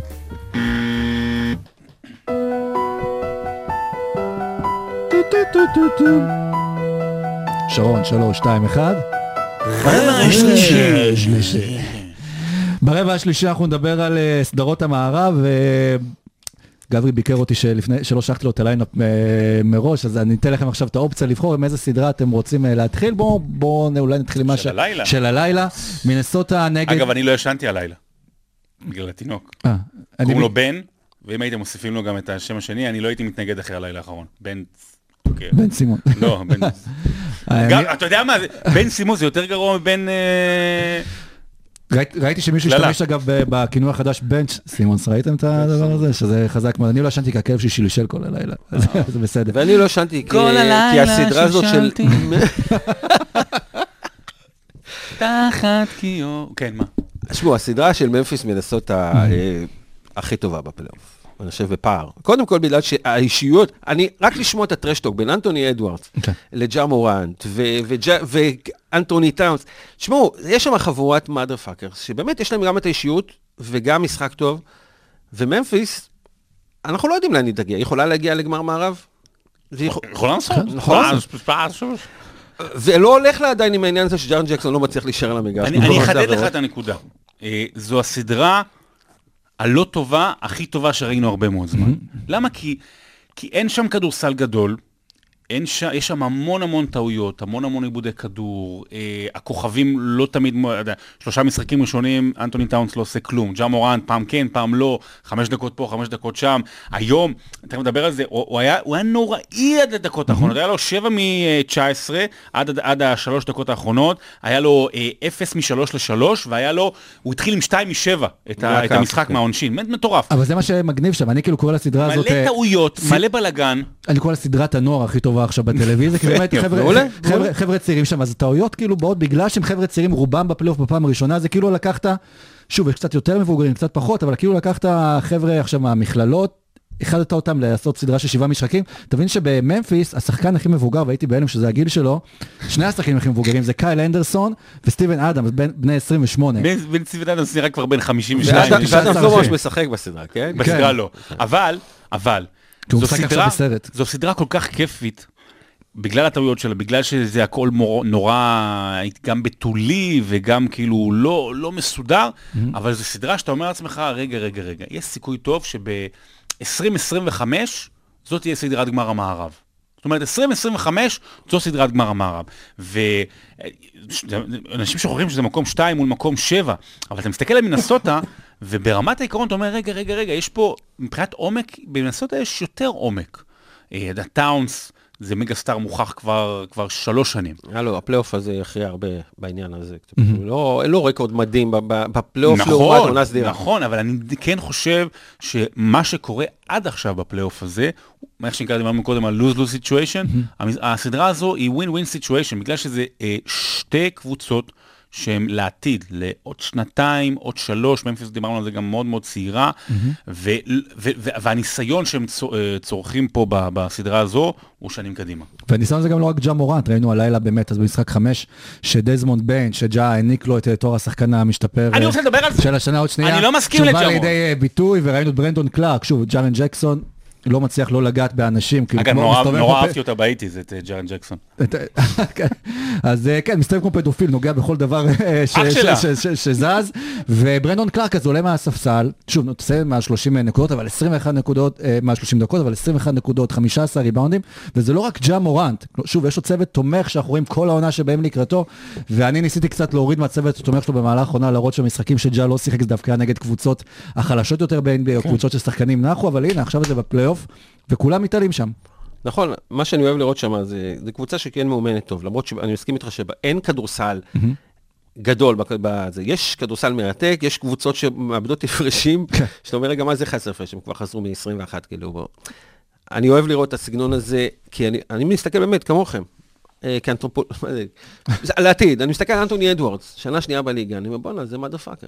ואני אוהב את האישיות הזאת, ואני אוהב, אני אוהב לראות את הטעויות של מורנט, והוא הודה שהוא לא היה כשיר. על טאונס לא אומרים שהוא motherfucker. אגב, לא, לא כי נעים, טאונס- נעים. כי טאונס- כי אנטוני אדוארדס קרא מנטלית- לכלב שלו אנטוני אדוארדס ג'וניור, בגלל זה, באמת. תראו, אנטוני טאונס, אה, יותר מדי אנשים נכנסו בו בליגה מאז שהוא נכנס, אה, כי, כי יש פה משהו עם קצת פריך. ג'ימי gate, עם אה, ג'ימי בטלר, גם עם הבלגן שהיה שם. בדיוק. אגב, אנטוני טאונס ובן סימונס קיבלו לידיים את ג'ימי באטלר, שיהפוך אותם ליותר motherfuckers, ובסוף החליטו להיפטר מג'ימי באטלר. כן. וראינו לאיפה זה לקח את מיאמי, וזה לקח את הקבוצות. האחרות. אני מת על באטלר, אבל הוא high maintenance. כן. ואפילו ספולסטרה העונה, כאילו, היה שלב שהם רבו כאילו על המגרש, ו... ו... התחלתי לקרוא סביב זה, והבנתי שכל העונה הם די מרוחקים, וכאילו היה צריך איזה פיצוץ כזה ביניהם. אגב, זה יכול לעזור להם אולי לקראת הפלייאוף. אבל בוא נגיד, אנטוני טאונס, אנחנו צריכים לראות מה קורה איתו הלאה. אני מסכים איתכם, זה סדרה שאנחנו נסתכל על השחקנים האלה עוד שנים קדימה, ונגיד, ה repetition שהם עשו הש... השנה יעזרו להם, אני לא רואה אותם מגיעות לגמר או משהו כזה. אני רוצה לדבר על ג'ה מורנט. קודם כל, לגבי הבחירה, אני, אני ממש ממש לא אוהב אותה. יש פה, יש, צריך לקבוע איזה שהם כללים לגבי הדבר הזה שנקרא שחקן משתפר. קודם כל, לא יכול להיות שרוקי העונה, נכון? רוקי, לפני שנתיים. רוקי העונה, לא יכול להיות שרוקי העונה יקבל בהמשך הקריירה אה, שחקן משתפר. לא יכול להיות. לא יכול להיות שהיית כאילו השחקן שהכי דיברו עליו בשנה הראשונה שלו בליגה, ואז, אה, תראה איך אתה טוב. לא יכול להיות ששחקן שהוא היה, נגיד, מה, מה, מה מורנט היה העונה שעברה? top 15, top 20, כאילו פלוס מינוס, נכון? אז מה, אז עכשיו הוא top 10, top 5, אז, אז זה השיפור. אבל מה אתם מגדירים להשתפר? יכול להיות שהוא באמת הפך- הוא הפך מ rookie לסופרסטאר. רגע, אם לוקה דונצ'יץ', אז נגיד שהוא לא בחמישיית העונה הש- השנה הזו, נגיד שהוא חמישייה שנייה אם הוא כשהוא ייבחר, ואז שנה הבאה הוא MVP, אז הוא אה, השחקן המשתפר של הליגה? אתה, אתה מבין מה אני אומר? צריך לתת את זה לשחקני מדרגה שנייה שלישית, שבאמת עשו את הקפיצה המשמעותית. מישהו כמו דז'ונטה מרי וגם היו אה, אחרים. אה, דזמונד אני לא, לא. אוהב את הבחירה בג'ה מורנט, לא שלא מגיע לו, אבל זה לא משהו בקריטריונים דפוק. זה דבר אחד. דבר והוא- שני... והוא מסכים איתך. זהו, נתן את זה לדזמונד ביין. ג'ה מורנט, סדרה לא טובה שלו. סדרה שבה הוא נתקל הרבה פעמים בקיר, סדרה שהאחוזים לא טובים, סדרה שעד היום, בש, ב, לפנות בוקר, בשלוש דקות האחרונות, לא היה, לא היה רגעים שהוא משתלט על המשחק.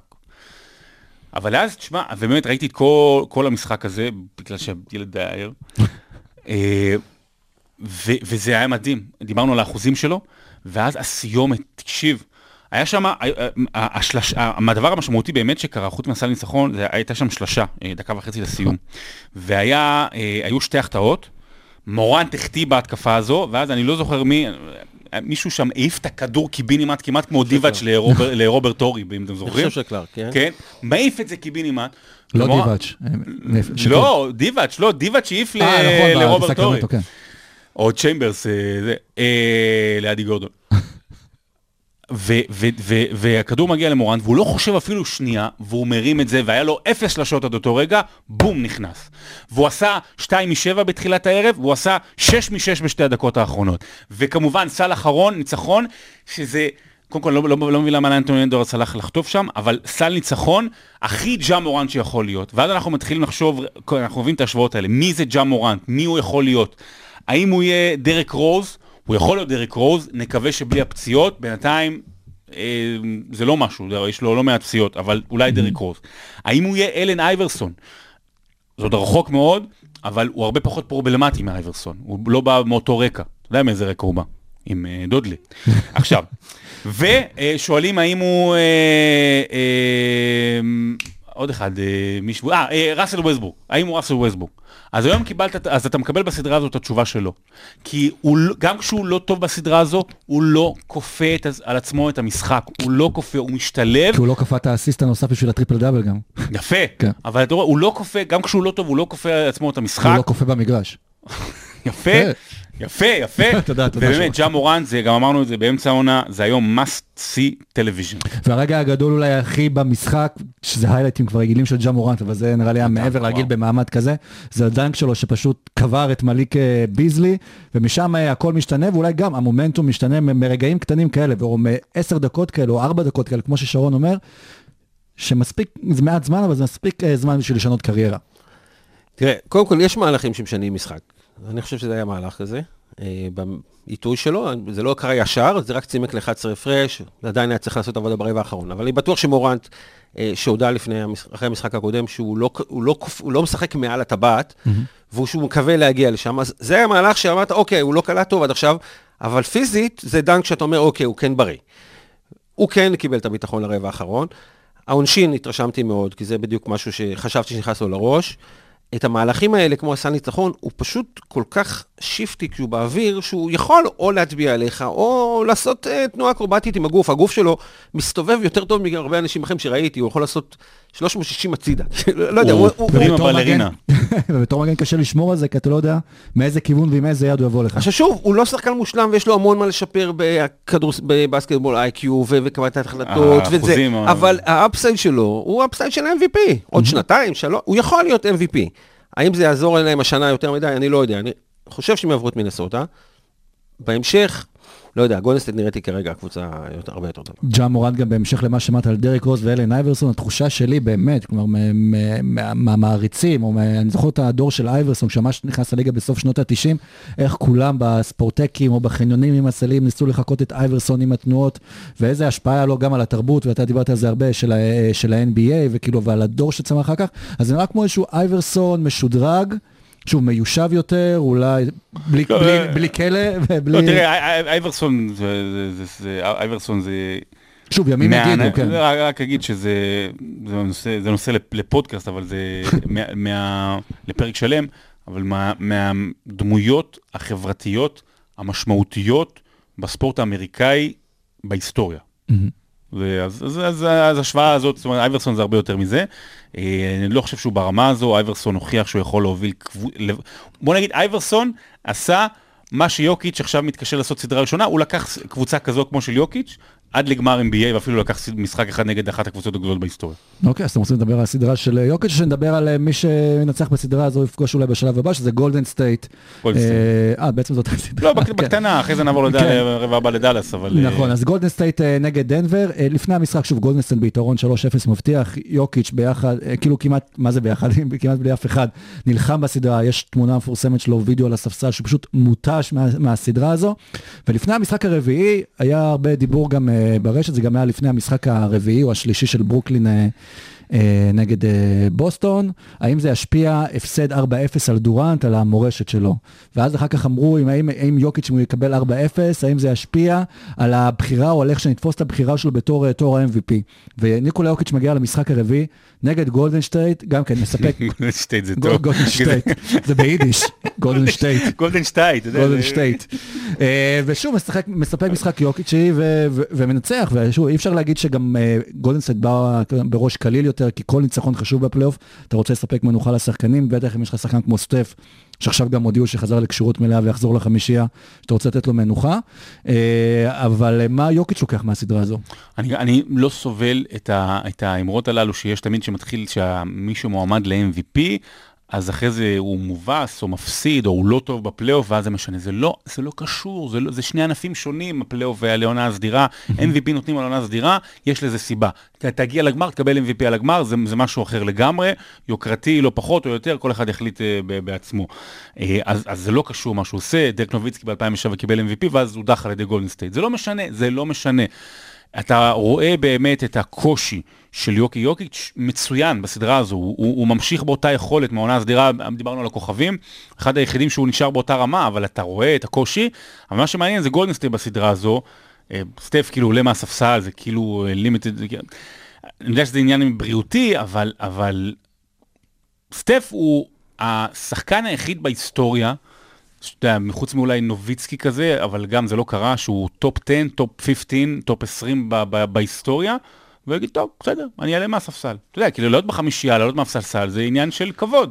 אתה לא רואה את אה, לברון טוב, אני אעלה מהחמישייה, אתה לא רואה את דורנט טוב, אני אעלה מהחמישייה. זה נראה משהו מיוחד שיכול לקרות רק עם סטף. קודם כל, זה. גם בתרבות של המועדון, אבל גם סטף יכול לעשות לך נזק ב-15-18 דקות ששחקנים לא יעשו גם, תראה את טריי יאנג נגיד, גם, או וגם זה שהוא יושב ספסל. פתאום אתה מרוויח את אה, ג'ורדן פול, זה קורה, זה קרה במהלך העונה כשהוא היה פצוע, אבל עכשיו גם זה נשאר בפלייאוף ככה. ובסדרה אחר כך נראה לך גברי, שוב, יכולים לקבל את מינוסוטה, יכולים לקבל אה, אולי את ממפיס שהם הפייבוריטית כרגע, אבל מבחינת גולדן סטייט, יכולים גם לקבל זיווה. זה עוד דרך, כאילו עוד סדרה אולי שהיא תוכל לא לשייט, אבל שתהיה לה יותר קלה בשביל להגיע מוכנה לגמר המערב. כן, קודם כל גולדן סטייט אולי קבוצה הכי מרשימה בפלייאוף נכון לעכשיו, אבל אני שם את זה בצד כי דנבר אה, זה matchup מאוד מאוד קל מבחינתה. באמת ליוקיץ' אין לי מספיק אה, כלים.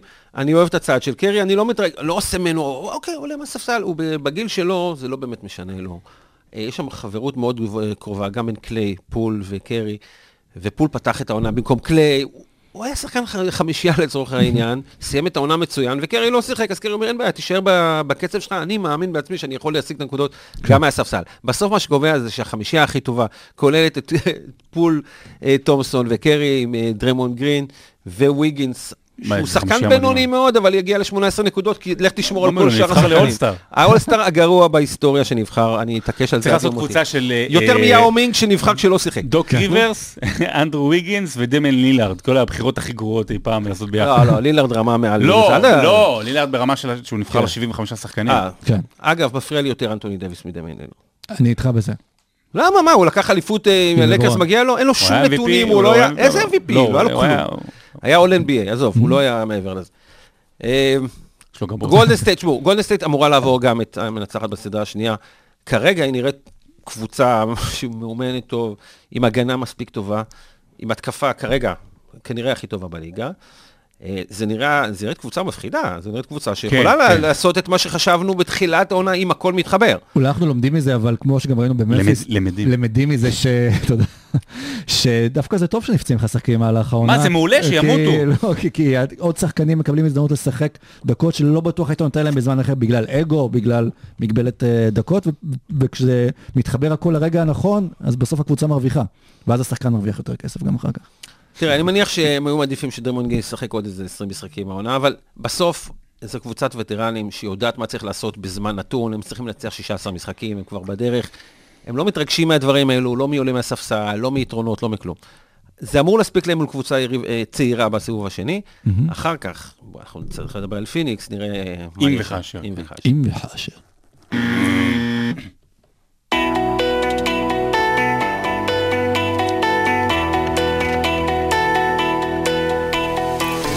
רביעי.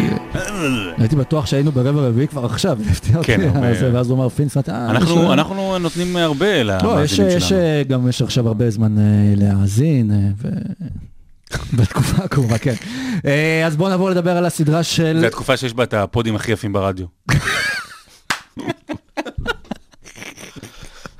אה, בואו נדבר על הסדרה אה, של יוטה נגד דאלאס. כן, דל. אה, הסדרה התחילה במומנטום לטובת יוטה, כשדונצ'יץ' בחוץ ולא יודעים בדיוק מה אורך הזמן של הפציעה שלו, אה, כמה זמן היא תימשך, אבל אה, איכשהו, שוב, גם כמו שדיברנו על שחקנים שנפצעים ושחקנים אחרים מתעלים, ג'לון ברונסון התעלה, הצליח לעשות... אחת-אחת. אחת-אחת. אחר כך גם 2-1, אה, ודונצ'יץ' חוזר, ופתאום כל המומנטום משתנה, הריב בין, בין מיטשל לגובר, ככה, הקרע גובר. גובר. למרות הקרע הזה, מיטשל מוסר אה, לגובר את הסל הניצחון. שעושה 2-2, ואז במשחק החמישי, אחרי איזשהו משחק כזה, קצת שהוא התאפס על עצמו, דונצ'יץ' בא ומראה מה זה פלייאוף לוקה. ועושה צעדים. כן. זה בלתי נסבל, אני לא יכול לראות את המהלך הזה. אבל, אבל זה הזכיר לי את לוקה דווקא של, של היורוליג, ולוקה אני חייב להגיד עליו גם כשהוא היה MVP של היורוליג וגם במשחקי הפלייאוף שהוא לא הצליח לעבור סדרות כי אולי לא היה לו צוות תומך מספיק טוב.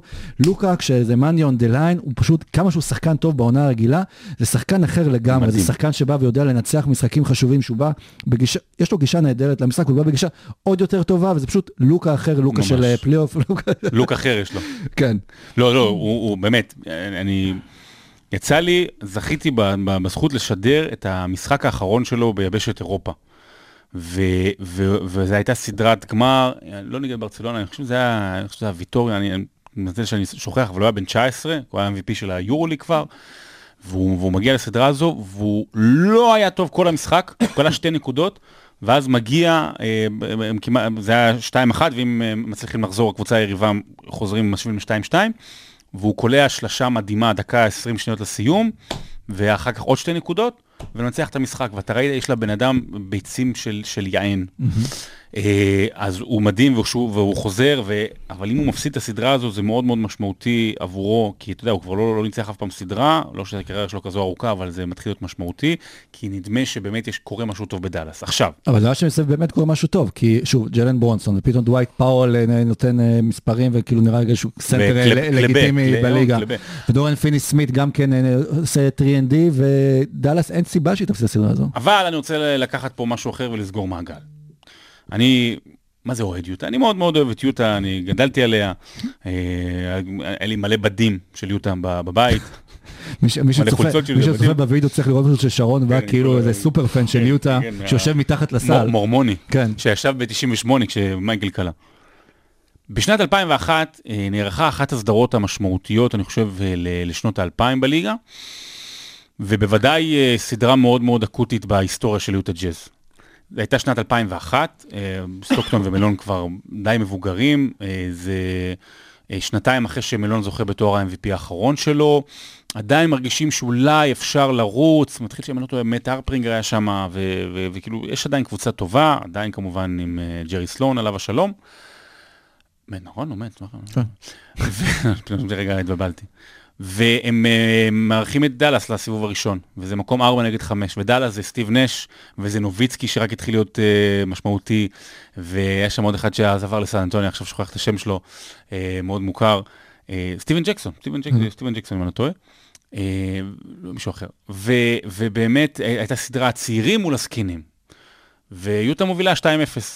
ואז דאלאס חוזרת מ-0-2 ל-2-2, ואתה אומר, כמה, היה ממש קצת פעמים בהיסטוריה שחזרו בסדרת של חמישה משחקים, זה היה אז, ומשחק אחרון מנצחים 86-85, סל תשע שניות לסיום. וזה היה הסוף. זאת אומרת, הם אחרי זה עוד, אה, היו שנתיים עוד בזה, אבל הפסידו סיבוב ראשון, זה היה הסוף של יוטה, ההיא, הגדולה. וגם עכשיו, כשדאלאס כנראה תנצח, לצערי, זה יהיה הסוף, זה אמור, זה צריך להיות הסוף של יוטה הנוכחית. אה, צריך לפרק את החבילה הזו, סניידר שם, ממש באמת, ההתקפה שלהם מחפירה, ההגנה שלהם עוד יותר, שהייתה טובה בשנת השנים האחרונות, מחפירה. הם נתנו כל כך הרבה זריקות חופשיות מחוץ לקשת שלוש לדאלאס, זה לא הגיוני. אה, שואלים אה, מי, מי, מי למכור בטרייד, גובר או מיטשל? אני אומר את שניהם. להתחיל מההתחלה, פריש מיש, כי, כי התקרת זכוכית עם מיטשל תהיה מאוד מאוד ברורה. על גובר אתה לא תקבל יותר מדי, אם תמכור את מיטשל, כמה תקבל, יכול להיות שזה טוב, אבל אני לא, לא בטוח בכלל. שניהם, פשוט מתחיל הכל מחדש. תראה, אז אתמול היה שעות של דני איינג' ודוויין וייד שם ביציע, ושניהם צריכים לקבל את ההחלטות האלו. אני מסכים איתך לגמרי, הקבוצה הזאת תתפרק. לא הגיוני שהמסירה היחידה במשחק של מיטשל לגובר, שחקן שמתחת לסל, היא לאליופ מנצח. כאילו, למה לא עשו את זה קודם? אנחנו יודעים שהם לא מסתדרים. אז את החבילה הזאת, אנחנו יודעים שצריך לפרק. אני מסכים איתך שמיטשל הוא לא בוודאות cornerstone שאתה בונה עליו, ואז אתה מקשיב להצעות, אם מציעים לך משהו אחר. איכשהו תמיד דמיינתי אותו בניקס. כאילו, שחקן טוב, שהקהל יאהב אותו, אבל לא יגיע לשום בר- מקום. ברנרד קינג כזה. ברנרד קינג אבל היה מרגש יותר, אני, אני אוהב את מיטשל, אבל תראה, ההתקפה של יוטה הייתה הכי טובה השנה מבחינת offensive rating. בפלייאוף גם, יש להם שני הרכבים מאוד טובים, אבל ההגנה, משמעותית לא טובה. וכימיה, הם לא אוהבים אחד את השני, הם רק רוצים להיפרד, וזה צריך לקרות. אה, אני מסכים איתך, גובר לא תקבל עליו יותר מדי. צריך להקשיב להצעות, דני אייג' מת על הדברים האלה. יצטרכו לעשות... ו- וזה מדהים באמת כמה שזה גם משפיע גם ברמה הכי גבוהה של השחקנים הכי מקצוענים, כמה כימיה יש להשפעה על המשחק. אז שוב, ברוקלין, גם כן עם אה, שחקנים אולי הכי טובים כרגע, אתה יודע, מהשחקנים מובילים ב-NBA, הכימיה לא עובדת, אז מקבלים סוויפ, לא סתם מפסידים סדרה, ועכשיו זה גם בא לידי אה, ביטוי אה, ביוטה, אבל... שעוד יכולה לנצח את הסדרה הזאת, דרך אגב, אם היא תנצח זה לא יהיה כזה, אבל אבל אבל- עדיין. אבל הזכרת, אבל אם יוטה נגיד מנצחת את הסדרה הזו, כמה זה משפיע, או כמה זה מלחיץ את המורשת של לוקה דונצ'יץ', שלא מצליח לנצח סדרות פלייאוף? אני חושב שאם אם הוא יפסיד את זה, זה כבר יתחיל להיות משמעותי. זה. אם, אם יוטה מנצחת, אז זה גם מפרק את הקבוצה לפי דעתך? אני עדיין חושב שהם יצטרכו לפרק את גובר אה, מיטשל. לא, זה לא יכול לא עובד, להמשיך, זה לא זה לא עובד. עובד, זה לא יצליח. ואם זה לא מצליח בדאלאס? לא, לא, לא, לדאלאס יש סיבות. מקלות. קודם כל, טימי ארדואן ג'וניור לא משחק בסדרה, ויש להם החלטות לעשות, הם יצטרכו לשלם יותר כסף ממה שהם רצו לברונסון, נכון. אבל הבסיס בסך הכל טוב. אה, אני לא מודאג לגבי העתיד של דאלאס, עוד שנה, שנתיים, הם צריכים עוד כמה שחקנים כמובן. אה, יוטה, אבל אני בטוח שגם אם הם לוקחים אליפות, אני עדיין הייתי מפרק את הצוות הזה. כן. אה, וטוב, מי, שתנצח בסדרה הזאת, צריך לפגוש בסדרה הבאה כנראה גם כן את, פיניקס סאנס, ופיניקס פתאום נקלעה לסיטואציה שהיא לא ציפתה לה בסדרה שתהיה כל כך קשה. אה, 2-2 היה נגד אה, ניו אורלינס, הלילה היא מנצחת אה, 3-2.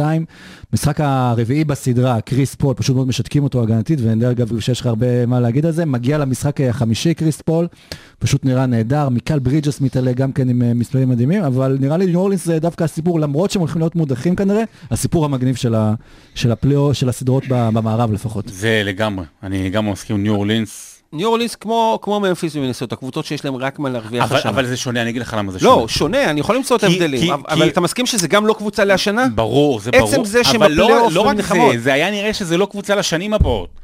זה, זה קבוצה שהתחילה, שהיה בשלב מסוים אומרים, רגע, רגע, האם הולכים ל tanking עכשיו שזיון בחוץ או לא? זאת אומרת, זו הייתה קבוצה שאמרה, נגמרת לעונה. ועכשיו, אתה יודע, טרייד השנה זה משהו שמעריכים, ב, ב, ב, צריך לקחת כמה שנים קדימה כדי לראות איך זה, איך זה משפיע והכל. אבל אם אני לוקח נקודתית, אני חושב שסי.ג'יי מקולום, אני, אני יודע שיש גם את דינוויני, דינוויני, דינוויני, דינווידי, דינוויני, אה. לא, לא, דינווידי. אה, דינווידי. דינווידי במקום פורזינגיס אה. והכל, כי אתה יודע איך זה הצליח ממש טוב, אבל מבחינתי סי.ג'י מקולום זה, זה הטרייד של השנה. כי הוא הגיע בחור עם ניסיון, עם ניסיון פלייאוף גם הרבה מאוד שנים, של הפסדים, של ניצחונות, ומגיע לקבוצה ומתחבר מצוין, אתה יודע, הוא לא, לא כופה את עצמו כמו שמקודם עם מורנט, אבל גם לא מנסה להיות כאילו הסטאר, נכנס לתוך מארג מאוד יפה גם של ברנדום אינגרם, דאז' ללייקרס, כי באמת, שהופך להיות מפלצת התקפית ובריא, ויש לך את הרב ג'ונס, שהוא שחקן הגנתי נפלא, ואת אה, GTA, אה, חוזה על ורדו. אלוורדו, וולנצ'ונס. ולנצ'ונס משנה יפה, ואז פתאום יש לך קבוצה, שאני לא יודע אם ראיתם משחקים, אווירה מדהימה, אווירה באמת מדהימה, כאילו אני גם שמעתי דיווחים וזה שכל העיר סביב הקבוצה הזו, ויש זה שם לא חוויה מובן מאליו, זה עיר של פוטבול. כן. בדיוק, כן. וזה, וחוויה לא נורמלית, וגם זיון מסתכל כאילו מהצד ואומר, רגע, רגע, זה שמעתי בפודקאסט של בריאן ווינדהורסט, דיבר על זה יפה, כי הוא מסקר מקרוב את, ה, את, הדבר, את הסדרה הזו, שזיון מסתכל ואומר לעצמו, רגע, אולי זה מקום שאני, שנחזור, אני כן להישאר פה, למרות כל המתחים שיש אה, עם אז ההנהלה. יכול להיות שעם כל הביקורת שגם נתנו על דויד גריפין בפרקים אה, קודמים, הוא דווקא עשה נכון, כאילו לי זה מרגיש שהוא עשה את הרגיל שניב ברקוביץ', איתי בפנטזי הוא תמיד עושה הוא אומר לי, "אה, יש לי קבוצה חלשה, רק את השחקן הזה, מה אכפת לך פה, אז הוא אומר, הנה, את זה, אנחנו קבוצה חלשה, זרוק לי את מקולום, זרוק לי את זה, ולאט לאט הוא ידע בעצם מה הוא בונה, וכמו שאתה אומר, עכשיו זיון בחוץ פתאום מתחיל לראות, אה, כאילו לפזול חזרה למ- למגרשים, הוא נראה הרבה יותר טוב בימנים, הוא מטביע, הוא איתם בוורמאפס. כבר לא יחזור לפלייאוף הזה גם אם לא, ניו אורלינס איכשהו תנצח. לפלייאוף, אה, אני חושב שאם היו מנצחים את הסדרה, אני אולי כן היה, לא. בשביל לשנות אולי טיפה את הנרטיב שלו דווקא, לעומת בן לא, לא סימונס, זה הזמן. לו, אתה יודע, לא לשחק שנה שנייה. אבל בסוף דויד גריפין ידע מה הוא עושה ו- ופגע נכון? דויד גריפין קודם כל מנהל אחד הטובים בליגה בעיניי, ואני חושב באליפות של קליבלנד היו לו כמה טריידים באמצע העונה שבסוף הובילו לאליפות. אה, זה היה נראה שהוא קצת איבד את הדרך שלו, לא, לא רק באשמתו, שמעו, הוא זכה בזיון במזל, וזיון נתן להם זיון. בדיוק, כל העונה, אני בחרתי אותו כ bust העונה עוד לפני העונה, וחשבתי שהוא יחזור לאיזה 30-40 משחקים, וכלום. אני, אם אני הייתי עם ניו אורלינס, אני מקשיב להצעות. אם מישהו מוכן כן. לתת לי הצעה... תשמע, אני לא יודע מה אני אקבל ממנו.